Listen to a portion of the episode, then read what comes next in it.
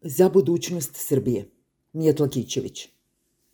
Opozicija se nada da će reka slobode iz Crne Gore da se prelije u Srbiju. Greši. Ta reka je pod kontrolom Aleksandra Vučića, makar njen najveći deo, to jest matica. Sa tom glavninom, dakle, Vučić je bio u tesnoj vezi.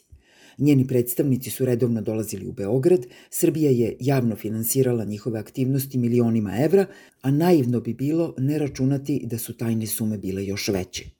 Za divno čudo, javnost u Srbiji, naročito opoziciona, to je uspevala da ne vidi.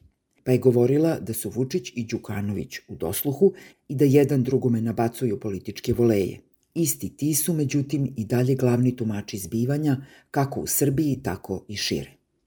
Sve u svemu, pobeda opozicije, čiji je glavni stožer koalicija oko demokratskog fronta, nije oslabila nego naprotiv ojačala Vučića, tačnije njegovu poziciju koju strpljivo gradi već godinama lidera svih Srba u regionu, i bosanskih, i crnogorskih, i kosovskih, i srbijanskih. Samo su se hrvatski Srbi oteli toj kontroli, zbog čega su odmah u Vučićevim medijima provučeni kroz toplog zeca i proglašeni izdajnicima. Srpstva da bome. Uzgred, ko veruje da u radiju žive mali ljudi, taj može da veruje i da će Amfilohije Crnu Goru da uvede u Evropu. Čovek kome su mnogi, koji inače svašta znaju, i zaboravili i oprostili onaj sramni govor nad odrom Zorana Đinđića. Drugim rečima, iako se gotovo unisono misli da je ekspertska vlada dobro rešenje, to je veliko pitanje – može se lako desiti da ona samo posluži kao paravan iza kojeg će se političkom tehnologijom polako preparirati institucije i preusmeravati politika, kao što je Vučić uradio formirajući vladu sa Dinkićevim ekspertima, na čije je čelo postavio Dačića. To je trajalo tačno dve godine. Posle znamo kako su se stvari razvijale.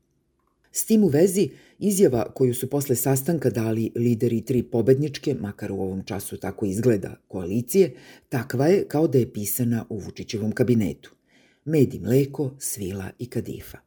Naravno, sve to prija čulima, ali bi bilo krajnje politički neiskusno i nevešto odmah na sva zvona najavljivati neku revoluciju i oštru promenu kursa – mada recimo u programu Koalicije za budućnost Crne Gore stoji da će po dolasku na vlast ukinuti evro. Kada se pak radi o promeni vlasti ovde, u jednoj bitnoj stvari postoji razlika između Srbije i Crne Gore.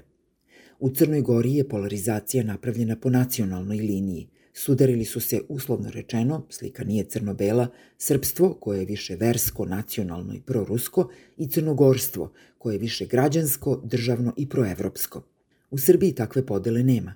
Vučić je čvrsto zauzeo poziciju srpskog nacionalizma, to pokazuje recimo sve što se dešava oko spomenika Stefanu Nemanji, a opozicija, to jest njena matica, da se opet poslužim tom metaforom, pokušava da ga svrgne još većim srpskim nacionalizmom. To će teško ići. Ona bi dakle morala da izgradi neku drugu platformu i njoj odgovarajuću strategiju.